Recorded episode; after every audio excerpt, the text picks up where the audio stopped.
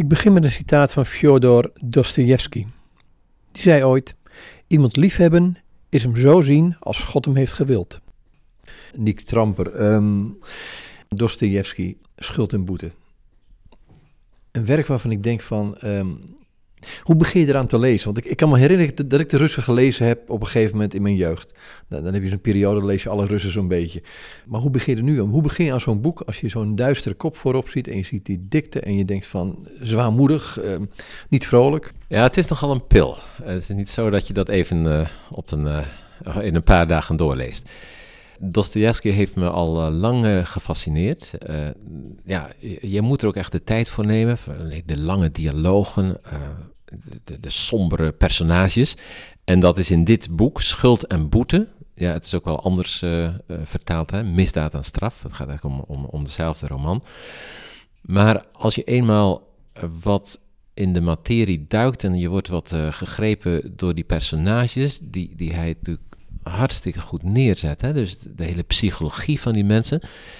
Ja, dan, dan laat het je niet meer los. Dat, dat vind ik heel fascinerend, vind ik heel boeiend. Daarbij komen in al zijn boeken toch ook bijbelse thema's aan de orde. En daar moet je goed over nadenken. Hij, hij doet dat een beetje losjes haast. Hij, laat zijn romanfiguren uh, eens wat discussiëren over, over bijbelgedeelten. Of hij laat ze een of andere tekst lezen. Maar dan gebeurt er op een of andere manier ook iets uh, met mensen. En dat heeft ons tot op de dag van vandaag nog wel wat te zeggen. Was hij niet degene die die uitspraak deed van uh, als het geweten niet aangestuurd wordt door God, wordt een mens een onmens? Ja, dat, uh, dat is uh, duidelijk op, op hem terug te voeren. Als een mens niet meer in, in God kan geloven, als, als hij, als God niet meer een, een, rechter is die, aan wie verantwoording kan worden afgelegd, dan zal de mens uiteindelijk ontaarden in een dier. Maar een dier is misschien nog, nog, nog ethischer dan een mens die los van God is. Hoe speelt het geweten een rol in deze roman? Want je hebt het ook over het goed en kwaad al? Ja, dat komt met name in, in deze roman komt dat uh, heel sterk naar voren. Ja, dit is het verhaal van een, um, van een, een, student, ja, een, een, beetje een eeuwige student heb je het idee, uh, die eigenlijk niet zo studeert, maar met allerlei vragen bezig in zijn hoofd rondloopt. En ja, die ook heel veel met die vragen van goed en, en kwaad bezig is. En die op een gegeven moment een, een oude ambtenaarsweduwe vermoordt. dat is het eerste deel van het boek. Dat, dat, dat is, ja, eigenlijk de eerste 50 bladzijden gaan eigenlijk over de toeloop tot die moord en, en, en die moord zelf.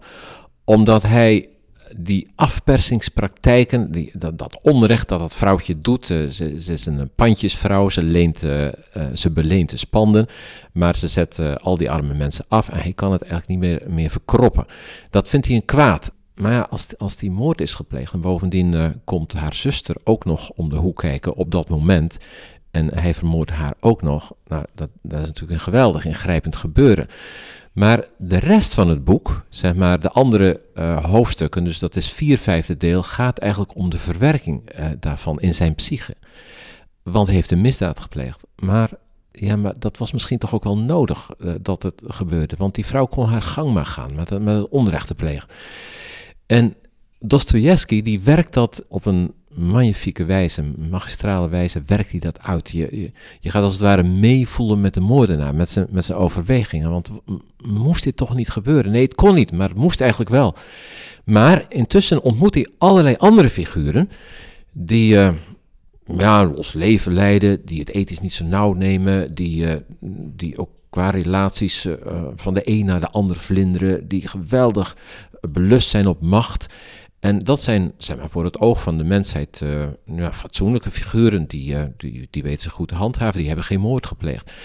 En die hele spanning tussen de goede en de kwade, zeg maar, dat, dat wordt tot het einde toe vastgehouden. Er is een uitspraak van de meester, um, die zei van, ik parafraseer, het geweten van een boef, dat, dat, daar kan ik me iets meer voorstellen. Maar het geweten van een fatsoenlijk mens moet verschrikkelijk zijn daar is dit boek een uh, duidelijke illustratie uh, van. Uh, het, het, het, mooie is als ja, het geweten van een boef. Ehm, ja, is hij nou een boef? hij is een misdadiger. Maar deze boef, deze student, die voortdurend in zichzelf, uh, in, met zichzelf uh, probeert in het reinen te komen. Ja, God is op afstand. Die komt zo, zo in het eerste deel in ieder geval niet uh, naar voren. Maar hij moet met zichzelf in het reinen komen. En zijn familie probeert hem te helpen, want hij wordt ziek en hij, hij wordt ellendig. psychisch gaat hij er onderdoor. En ze weten niet wat er aan de hand is. Ze proberen op allerlei manieren proberen ze hem wat ja, wat bij te staan. En, uh, zijn moeder komt en zijn zus doet er alles aan en zijn vriend. En, maar het helpt allemaal niet en ze snappen er allemaal niks van. Nee, want hij lijdt daaronder. Hij lijdt er verschrikkelijk onder. Maar dan ontmoet hij een, een hoertje, Sonja. En nou, zij is ook een, nou ja, zij verkoopt haar lichaam uh, om, om, om, ja, waarom doet ze dat eigenlijk? Ja, omdat zij uh, in het gezin, zij is een stiefmoeder heeft zij, haar, vader is, is, op een gegeven moment gestorven. Dat moet onderhouden worden, is bittere armoede daar in Sint-Petersburg. En zij kan niet anders dan wat geld bij elkaar brengen door, door haar lichaam te verkopen. En, en hij raakt in contact met haar. En daar heb je de moordenaar en de hoer. En die worden dus omringd door ja, al die, die, die weldenkende mensen die het allemaal heel goed weten. Al die, zoals de verloofde van, van zijn zus, uh, die nou, Rijkaard is, die, die haar eigenlijk manipuleert. Dat, dat voel je. Maar daar nooit en te, nimmer ja, rekenschap van aflegt. Wiens geweten natuurlijk op een gegeven moment wel is, maar die probeert dat weg te dringen. Ook dat is in het boek meesterlijk getekend. Maar dan komt de moordenaar in aanraking met de hoer. En die twee die, die gaan met elkaar praten. En die proberen ja, de, de essentie van goed en kwaad te ontdekken. En dan komen ze op een gegeven moment bij de Bijbel, bij het verhaal van de opwekking van Lazarus. En dat is een, een heel, ja, dat vind ik zelf een heel spannend deel eh, in het boek. Want dan, dat, hij wordt daardoor geraakt en zij leest dat. En dat gaat op een of andere manier toch met hem mee dat, dat Jezus op de een of andere manier zelfs uh, mensen die, die totaal wanhopig zijn, die, ja, het gaat hier om, om een situatie van verdriet, van wanhoop, iemand, hè, maar dat projecteren ze naar hun eigen situatie. Zij die geestelijk eigenlijk in de put zitten, geestelijk in wanhoop verkeren, dat daar herstel voor mogelijk is. Maar het ligt er niet heel dik bovenop. Dat, dat gaat met, met, met discussies, met ja, weinig woorden. Maar je voelt, het, het blijft hangen moet denken aan zo'n tekst als hoeren en tollenaars zullen u voorgaan hè, in het koninkrijk. Ja, die tekst staat niet uh, in, in dit boek, uh, uh, Schuld en Boete, maar als je nu naar het laatste kijkt, dat is de epiloog eigenlijk. Als je kijkt naar de epiloog, dan, dan zie je dat daar um, Raskolnikov, de moordenaar, beland is in een strafkamp in Siberië. Dan is, de, is het vonnis geveld. Dan is de rechtszaak geweest. En dat is uiteindelijk tot stand gekomen omdat hij het heeft bekend aan haar, de hoer, aan Sonja. Zij waren zo vertrouwelijk dat hij dacht: ik moet haar dit vertellen. Ik kan dit niet meer voor haar verzwijgen. Ik kan het voor iedereen verzwijgen, zelfs mijn eigen moeder, mijn eigen zus, maar voor haar niet meer. En zij vindt dat hij er iets mee moet doen. En zij beweegt hem om, het, om zich ook aan te geven. Zij helpt hem. Zij vindt dat het recht ook moet geschieden. Maar dan komt hij dus in Siberië, is de epiloog. En dan gaat zij hem achterna. En dan, dat is geweldig om te zien, je, je proeft dan uh, haar trouw. Zij is van hem gaan houden. Zij wil hem al haar liefde geven. Maar hij is eigenlijk onbereikbaar, of praktisch onbereikbaar in het kamp. Maar zij gaat in een naburig dorp wonen, heeft het daar ook erg arm. Maar schrijft hem, bezoekt hem ook een keer.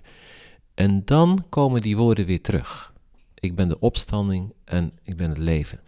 En dan, dan zie je dat de moordenaar en de hoer op een weg van verandering zijn gekomen. En dan besluit Dostoevsky uh, zijn boek, en misschien is dat ook wel aardig om dat even te lezen ook. Dat is eigenlijk het, het, het, het laatste stukje van dit verhaal. Tot zijn grote verbazing was ze daar geen enkele keer over begonnen. En dat verhaal van Lazarus dat ze lazen. Ze had hem zelfs geen enkele keer voorgesteld om het evangelie ter hand te nemen. Hij had het haar kort voor zijn ziekte zelf gevraagd. Zonder iets te zeggen had ze hem het boek gebracht. Hij had het nog steeds niet geopend. Hij opende het ook nu niet, maar er ging een gedachte door hem heen. Zouden haar overtuigingen nu ook niet mijn overtuigingen kunnen zijn? Haar gevoelens, haar verlangens op zijn minst? Ook zij was deze hele dag erg opgewonden. En s'nachts werd ze zelfs weer ziek, maar ze was zo gelukkig dat ze haast bang was voor haar geluk. Zeven jaar. Slechts zeven jaar. In het begin van hun geluk waren ze beiden op sommige momenten bereid om naar deze zeven jaar te kijken als naar zeven dagen. Hij wist zelf ook niet dat dit nieuwe leven hem niet gratis gegeven zou worden. Dat hij het nog duur moest kopen en met een grootse toekomstige daad voor moest betalen. Maar hier begint al een nieuw verhaal. Het verhaal van de geleidelijke vernieuwing van een mens. Het verhaal van zijn geleidelijke wedergeboorte. Van een geleidelijke overgang van de ene wereld naar de andere. Van de kennismaking met een nieuwe werkelijkheid die hem tot dan volkomen vreemd was geweest. Dit zou het thema kunnen zijn voor een nieuw verhaal, maar ons verhaal van nu is ten einde. Evangelie is een boek verschenen ooit, dacht ik hoor. Het Evangelie en Dostoevsky. Maar het is in al zijn verhalen aanwezig. Christus lijkt ook aanwezig te zijn hè, in zijn verhalen. Christus is ehm, verborgen in zijn verhalen en soms wat openlijker aanwezig. Maar meestal op een verborgen wijze. Natuurlijk in, in, het bekende verhaal in de gebroeders Karamazov over de groot inquisiteur. Uh, nou, dat is natuurlijk vaak naar voren gehaald waar, waar Jezus in de, de vorm van een, uh, van een onbekende eigenlijk in de stad Sevilla aanwezig is en daar eigenlijk wordt geëxcommuniceerd omdat hij uh, een, een, een meisje eigenlijk van, van dood levend maakt en mensen zijn helemaal gefascineerd. Maar deze vreemdeling, deze armoedzaaier, heeft ook wel kritiek op de kerk. Dus de, de bisschop, de groot inquisiteur, kan deze persoon niet dragen. Nou, dan voel je heel duidelijk, dit, dit is Jezus die de machtsaanspraken van uh, de kerk uh, onderuit haalt, betwijfelt, bekritiseert. En dit verhaal is natuurlijk heel erg duidelijk verbonden ook met uh, de verzoeking in de woestijn. Met de duivel die zegt, nou, zegt tegen deze stenen dat ze broden worden en ik kan u alle macht geven. En hier gaat het om een thema dat, dat vaak ook in de boeken aanwezig is van Dostoevsky, wie nu de werkelijke macht heeft. Ik denk ook aan een boek van hem als, als de idioot. Ja, ja er is, er is, het, het is ook zo fascinerend om te zien. Het was natuurlijk ook de, de, ja, de christelijke cultuur, de orthodoxe cultuur, waar, waar uh, Dostoevsky in groot uh, is geworden. Dus dat, dat, dat, is, dat heeft hij ook meegenomen. Maar Dostoevsky, die vele problemen, levensproblemen heeft doorworsteld. Heeft zelf ook in, in, Siberië gezeten. Hij is zelf op een gegeven moment uh, gevangen gezet, onterecht beschuldigd. Heeft veel moeten lijden. Heeft daar, nou ja, zijn karakters als het ware al, al, al, in zijn hoofd opgeslagen. Hij zag al die type mensen die, die zichzelf ook uh, vrijpleiten, terecht en onterecht. Maar in het alles heeft, heeft hij heeft dat ook geestelijk verwerkt. Heeft, heeft daarin ja, ook, ook de verbinding met het evangelie, met die geweldige woorden van Jezus, die, die hij eh, ook eh, ja, volgde als de grootste psycholoog die er ooit was geweest, die mensen doorzag ten diepste. Zullen we wat andere boekjes gaan? Want ik denk dat er geen einde komt in je boekenkast, maar um, je mag zelf kiezen hoor. Het dertigersdilemma zegt me helemaal niets. En zo Bianchi ligt er, er ligt de ontkerstening van Europa. Um, pak maar.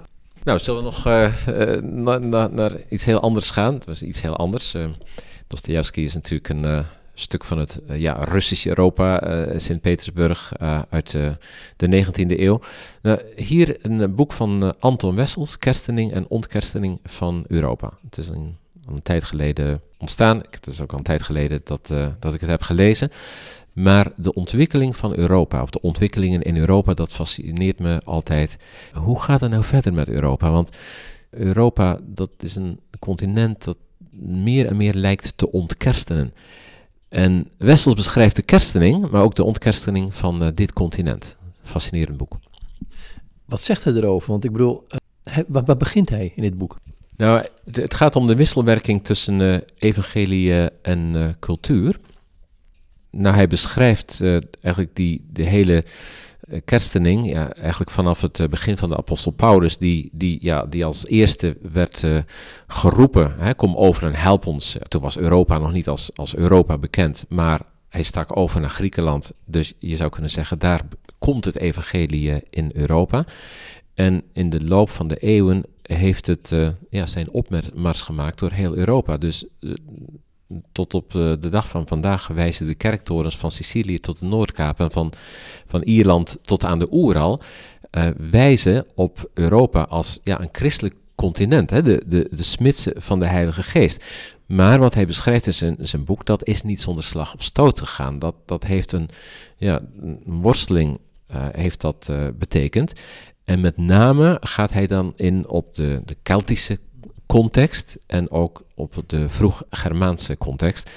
Hij geeft daarin ook aan dat er eigenlijk ook best heel wat ja, restanten van dat heidendom zijn overgebleven, maar dat het christendom, uh, bijvoorbeeld de Keltische, uh, oorspronkelijk Keltische godsdienst, uh, de druïde godsdienst, heeft opgeheven. Dat wil zeggen, niet alleen geëlimineerd, maar ervoor in de plaats is gekomen en het ook tot ja, de verheffing van het christendom heeft gebracht. Dus niet alles is geëlimineerd, niet alles is, is, is weggehaald, maar elementen zijn um, overgebleven en zijn ja, christelijk geworden. Maar, maar, heb, je, heb je het dan over, over het heidendom met een evangelisch sausje, of is dat te makkelijk? Nee, dat is te, te snel uh, gezegd. Nou, en om een voorbeeld uh, te, te, te, geven van het Keltisch christendom. Uh, in, in de Keltische uh, oorspronkelijk eh, Keltische heidendom waren stenen heel erg belangrijk. Hè? stenen uh, waren een soort offerplaatsen, er werd ook uh, opgeofferd. En de steen belichaamde eigenlijk ook een oerkracht. Daar werden ook de zonnestralen op, opgevangen. De zon was natuurlijk ook heel belangrijk. En er werden offers gebracht. Nou, die stenen in allerlei vormen. Ik ken het natuurlijk gewoon in Stonehenge, waar, waar, stenen op een bepaalde manier zijn gegroepeerd. Om ja, die verbondenheid met de aarde en ook met het heelal om die uh, te, ja, te belichamen. En, en we denken ook aan de menhis. Hè? In de verhalen van Asterix en, Obelix komen die de menhis voor. Maar uh, dat waren eigenlijk ja, offerstenen, uh, heilige stenen. Nou, toen het christendom kwam, zijn die stenen uh, die zijn niet allemaal uh, omgegooid of uh, helemaal in gruzelementen gehakt of weggedaan. Een aantal wel.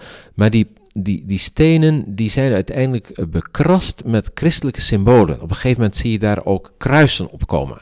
Je, je, ziet daar Christus, Christusfiguur zie je daar verschijnen. En op een gegeven moment zijn die, zijn worden die offers, nou, die heidense offers, die zijn niet meer in gebruik. Maar uh, worden, er, uh, nou worden er maaltijden gehouden. Dat betekent dus dat er uh, gegeten wordt en, en, gedronken wordt, maar te gedachtenis aan het werk van Christus. En vaak verschijnt er ook een kruis bovenop zo'n steen. Dus Christus, de leidende Christus, maar ook de overwinnende Christus, bovenop zo'n menheer, betekent dat hij deze steen, ook deze godsdienst, deze cultus, heeft overwonnen. Dat het als het ware in hem vervuld is. Je zoekt iets? Ja, nou, ik, ik zoek, ik, er, er is een of ander plaatje hier in dit uh, boek dat ook symboliseert. Nou, ik kan het... Maar, maar je, zegt, je zegt iets geks. Hè? Je zegt in hem vervuld is. Betekent dat dan dat er een verlossing heeft plaatsgevonden in die cultuur? Of is het gewoon er een cultuurelement binnengenomen is in het, in het, in het christendom? Of meegenomen is in het christendom? Ik denk aan de kerstboom, et cetera. Ja, je, je moet eigenlijk een, een aantal dingen hiervan zeggen. Een aantal dingen, echt puur heidense dingen, zoals het, de offers. Het, het, het, offeren aan Wodan, aan Freya. Dat hebben natuurlijk de, de, de zendelingen van het eerste uur uh, hardgrondig verworpen. Zij hebben ook uh, heilige bomen waar de offers werden gebracht, die als een symbool van kracht werden gezien, hebben ze ook uh, omgehakt. Bekende voorbeeld van, van Bonifatius. Voor een deel is dat gebeurd, uh, met name als het ging om de praktijk van het offeren aan, aan de goden. Maar je ziet ook dat bepaalde elementen, zoals zo'n steen, die op een gegeven moment toch een heilige plek voorstelde, waar dan een kerkje bij gebouwd werd, dat die steen uh, die dan bleef staan, waar mensen dan toch ontzag uh, voor hadden, dat die werd geannexeerd. Of zo'n heilige boom, dat daar uiteindelijk het uh, symbool van het nieuwe leven aan verbonden werd. Dus die steen bleef staan, die boom die bleef als het ware staan in, in andere gevallen, maar die kreeg een andere betekenis, die kreeg een, een andere invulling. En die werd dus gechristianiseerd. Dus aan de ene kant zie je dat, dat elementen van die godsdienst hard, hardgrondig werden verworpen, aan de andere kant werden ze nou ja, niet omarmd, maar werden ze geannexeerd. En dat is wat Westels ook beschrijft in zijn boek. Nou, als hij ook uh, zoiets als het kerstfeest en de kerstboom. denk maar het kerstfeest zelf, dat een van de belangrijkste christelijke feesten is. maar dat zijn oorsprong, dat zijn, zijn wortels ook heeft in ja, uiteindelijk het Joelfeest. Het lichtfeest, de terugkeer van de zon. Het zonnewendefeest, wat een puur heidens feest was. Als hij het nou over de ontkerstening van Europa heeft, hè, um, ik heb bij de kersting, je, je, hebt een paar kleine dingen aangeraakt, maar als je aan die ontkerstening denkt, is dat een soort nieuw heidendom of is het ook weer niet zo? Ja, Westels is daar ook niet zo duidelijk over. Het is ook het, het, geringere deel eh, van zijn uh, boek.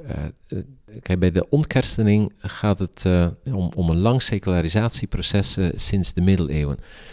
En eigenlijk moet je zeggen dat die ontkerstening, secularisatie, eigenlijk ook wel meegedragen is, met name ook door het protestantisme. Omdat die hele mythische werkelijkheid eigenlijk werd uh, ja, ontladen, ont, ontzenuwd. Dus die hele periode van uh, ja, de verlichting daarna, die is voor een belangrijk deel ook juist door de herbronning van het christelijk geloof uh, ingegeven. Uh, secularisatie betekent dus ook een verlies van het heidendom. Ook het heidendom in, in, in, het christendom. En dat is geen verlies, dat, dat is winst, denk ik. Nu zie je aan de andere kant dat er een soort teruggrijpen is naar het heidendom, naar heilige stenen, naar heilige voorwerpen, naar rituelen, hekserij, Stonehenge, soms onder de vlag van de New Age. Dat is een, een sterkende opkomst omdat een mens onuitroeibaar religieus is. Dus ergens zoekt ook de Europese mens weer naar een soort spirituele invulling, naar, naar een, een beleving van ja, de verbondenheid met de aarde en met de hemel maar niet meer in het christelijk geloof. Dat is een beetje ja, eigen uh, vorm van spiritualiteit, waar je misschien ook behoorlijk gelukkig in bent, waar je ook een stukje welvaart misschien in, in, mee kan nemen, maar waar de eisen en de beloften van het evangelie, de gemeenschap van de kerk, wel heel ver weg zijn. Tegelijkertijd vind je bij zeker bij de protestant, een hernieuwde interesse voor bijvoorbeeld de middeleeuwen, lectuur van de middeleeuwen.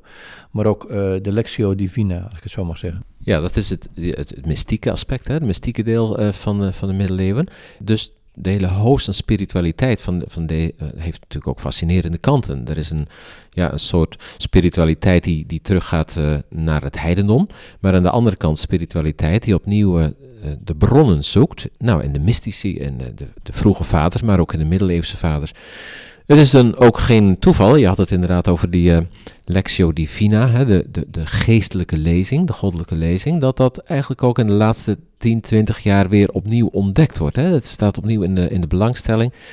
Je moet dan denken aan uh, de middeleeuwse omgang, uh, spirituele omgang met het woord van God. Dat het woord van God ook echt ja, tot je genomen moet worden als, als, als je eten en je drinken, dat je het herkauwen moet. Hè, de, het punt van de ruminaren, eh, dat, dat, de, geestelijke herkauwing van de, van de woorden Gods. Ja, ruminaren, dat is herkauwen. Dat is wat een koe met gras doet. En dat moet jij dus met het woord van God doen. Nou, dat, dat heeft Gigo de Kartuizer, hè, was daar al heel bekend om geworden die hele geestelijke lezing, dat het woord van God in jou werkt, dat het jou omzet, dat, dat het jou omkeert, dat in plaats van dat jij die woorden tot je neemt of dat jij die woorden leest, dat het woord tot je komt en dat het jou gaat lezen en uitleggen. En waardoor je eigenlijk komt tot ja, nieuwe aanschouwen van de heerlijkheid van God. Want uiteindelijk is dat in die stappen van de Lectio Divina, gaat, komt het daarom dat jij iets van de liefde, van de grootheid van God daarin mag zien. Nou, dat is spiritualiteit die we niet tot onze schade kunnen eh, onachtzamen. In de maatschappij, tenminste een tijdje geleden was het zo, wat, was het woord onthaasting, hè, was het woord. Dan denk ik met die lectio divina en met het ruminaren wat je noemt, het herkauwen. Daar is tijd voor nodig, vaak stilte voor nodig, maar het vraagt, het vraagt iets van je. Het is niet een, een sms'je eventjes of even een Twitter. Nee, het vraagt een, uh, een grote omkeer. Maar ik denk wel eens dat in deze tijd dit een van de belangrijkste punten van bekering is. Ik hoor veel mensen uh, ook zeggen, ja, ik merk dat in mijn eigen leven ook, ook wel, ja, de ontmoeting met God, uh, Soms uh, bid ik wel. Ik vraag ook uh, aan de Heere God of hij iets wil laten zien van, uh, van zichzelf. Hij tot mij spreken wil door zijn woord. Maar ik, ja, dat gebeurt eigenlijk niet. Hè? Gevoelsmatig is het, zo, zo droog. Ik heb daar geen gevoelige ervaring bij. Ja, je moet geloven, zeggen mensen dan. Maar ik vraag dan altijd, een vraag die ik ook aan mezelf voortdurend moet stellen, neem je ook de tijd ervoor? Een, een relatie moet onderhouden worden. Als je getrouwd bent en je hebt het hartstikke druk en je komt nooit aan elkaar toe en je hebt eigenlijk geen tijd voor elkaar, ja, dan staat die relatie onder druk. Dan kun je wel zeggen, ik houd heel erg van mijn vrouw, maar er zijn weinig momenten waarop je dat uit en waarop je dat ervaart, waarop je elkaar spreekt. In het geloof is het precies, hetzelfde. Dus een van de belangrijke punten in deze tijd is dat we ook echt weer, of s morgens of s'avonds of wanneer dan ook, een moment hebben dat we bidden, dat we iets uit de Bijbel lezen en zeggen ook, Heere God, spreekt u tot mij, laat uw woorden in mij, laat uw woorden met mij meegaan. Nou ja, dat kan je misschien ook wandelend doen en zo, maar laat, laat het er wel zijn, want anders hollen we maar door. En misschien, uh, ja, vallen we dan nog wel puffend en zuchtend in de, in de kerkbank en wordt er nog tot ons gesproken, maar misschien hebben we dan eigenlijk niet eens de concentratie meer omdat we zo moe zijn. Dat kan betekenen als ik vandaag dit gebed doe, dat ik twee, drie jaar verder ben en denk van, hé, hey, frek, het is zo, God luistert en hij zegt iets. En dan heb ik het even niet over de kerkbanken waar vaak ook een voorstelling opgevoerd wordt, waar ook druk, druk, druk is, maar die stille momenten die tijd nemen en het ook de tijd gunnen, denk ik. Ja, die vrucht die, uh, die, die zal zeker gevonden worden. Uh, iemand in mijn gemeente zei, vond ik eigenlijk heel mooi, die, die daar heel erg mee bezig is, ook al de tijd voor heeft het gebeurt nooit dat ik geen antwoord krijg. Ik snap niet dat mensen dat zeggen, dat, dat, dat, dat God niet antwoordt. Want ik ervaar dat steeds. En ik denk dat dat waar is. God laat de zoeker niet staan. Uh, klopt, en je zal worden opengedaan. En als je de tijd neemt, als je uh, aanhoudt, als je bidt, dan zal, zul je antwoord krijgen. Misschien over een, over een paar jaar, M misschien wel veel eerder. Maar um, wie hem aanroept, die zal door hem worden gehoord en verhoord. Oké, dankjewel. Graag gedaan.